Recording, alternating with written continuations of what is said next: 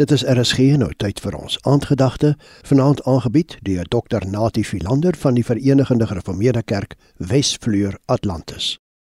Goeienaand liewe luisteraars. Die lig van die opstanding skitter helder teen die donker kontraste van die massiewe lyding van Christus. Dit val ook op Psalm 88. Op 'n manier gloei dit van die opstandingshoop.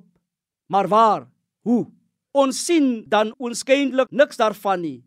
Dit mag so wees, maar ons hoor ten minste die hulpgeroep van die psalmis 3 maal as hy sê ek roep tot u Psalm 88 vers 2 10 en 14.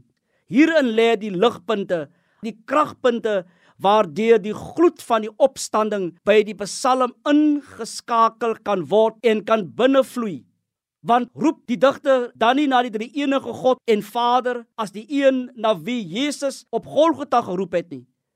Is dit nie dieselfde God en Vader wat sy seun nie in die dood gelaat het nie maar die wonder van die lewe bewerkstellig het? Sal God met dooies 'n wonder laat gebeur? Vra die psalmdigter. Kan gestorwenes opstaan en God loof? Ja hulle kan want hy is nie die God van die dooies nie maar die God van die lewendes Lukas 20 vers 38. Daarvoor is Jesus die afdoende bewys.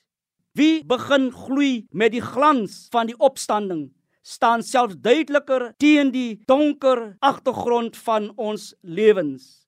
'n Mens wat 'n lewende hoop het, skryf die lewe nie af nie. Die Ou Testamentiese teoloog Moltmann het genoem: Die kerk, die gelowige, is 'n pyl van hoop wat God gelanseer het vanaf die lanseerbasis van die oopgraf van Christus. As 'n pyl wat 'n mikpunt het, 'n einddoel wat telkens naamlose lyding en die onbeskryflike nood raakskiet en waar dit tref, gee God lewe, opstandingslewe.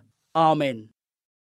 Die aandgedagte hierop RSG is vanaand aangebied deur Dr Natie Philander van die Verenigde Gereformeerde Kerk Wesvleur Atlantis.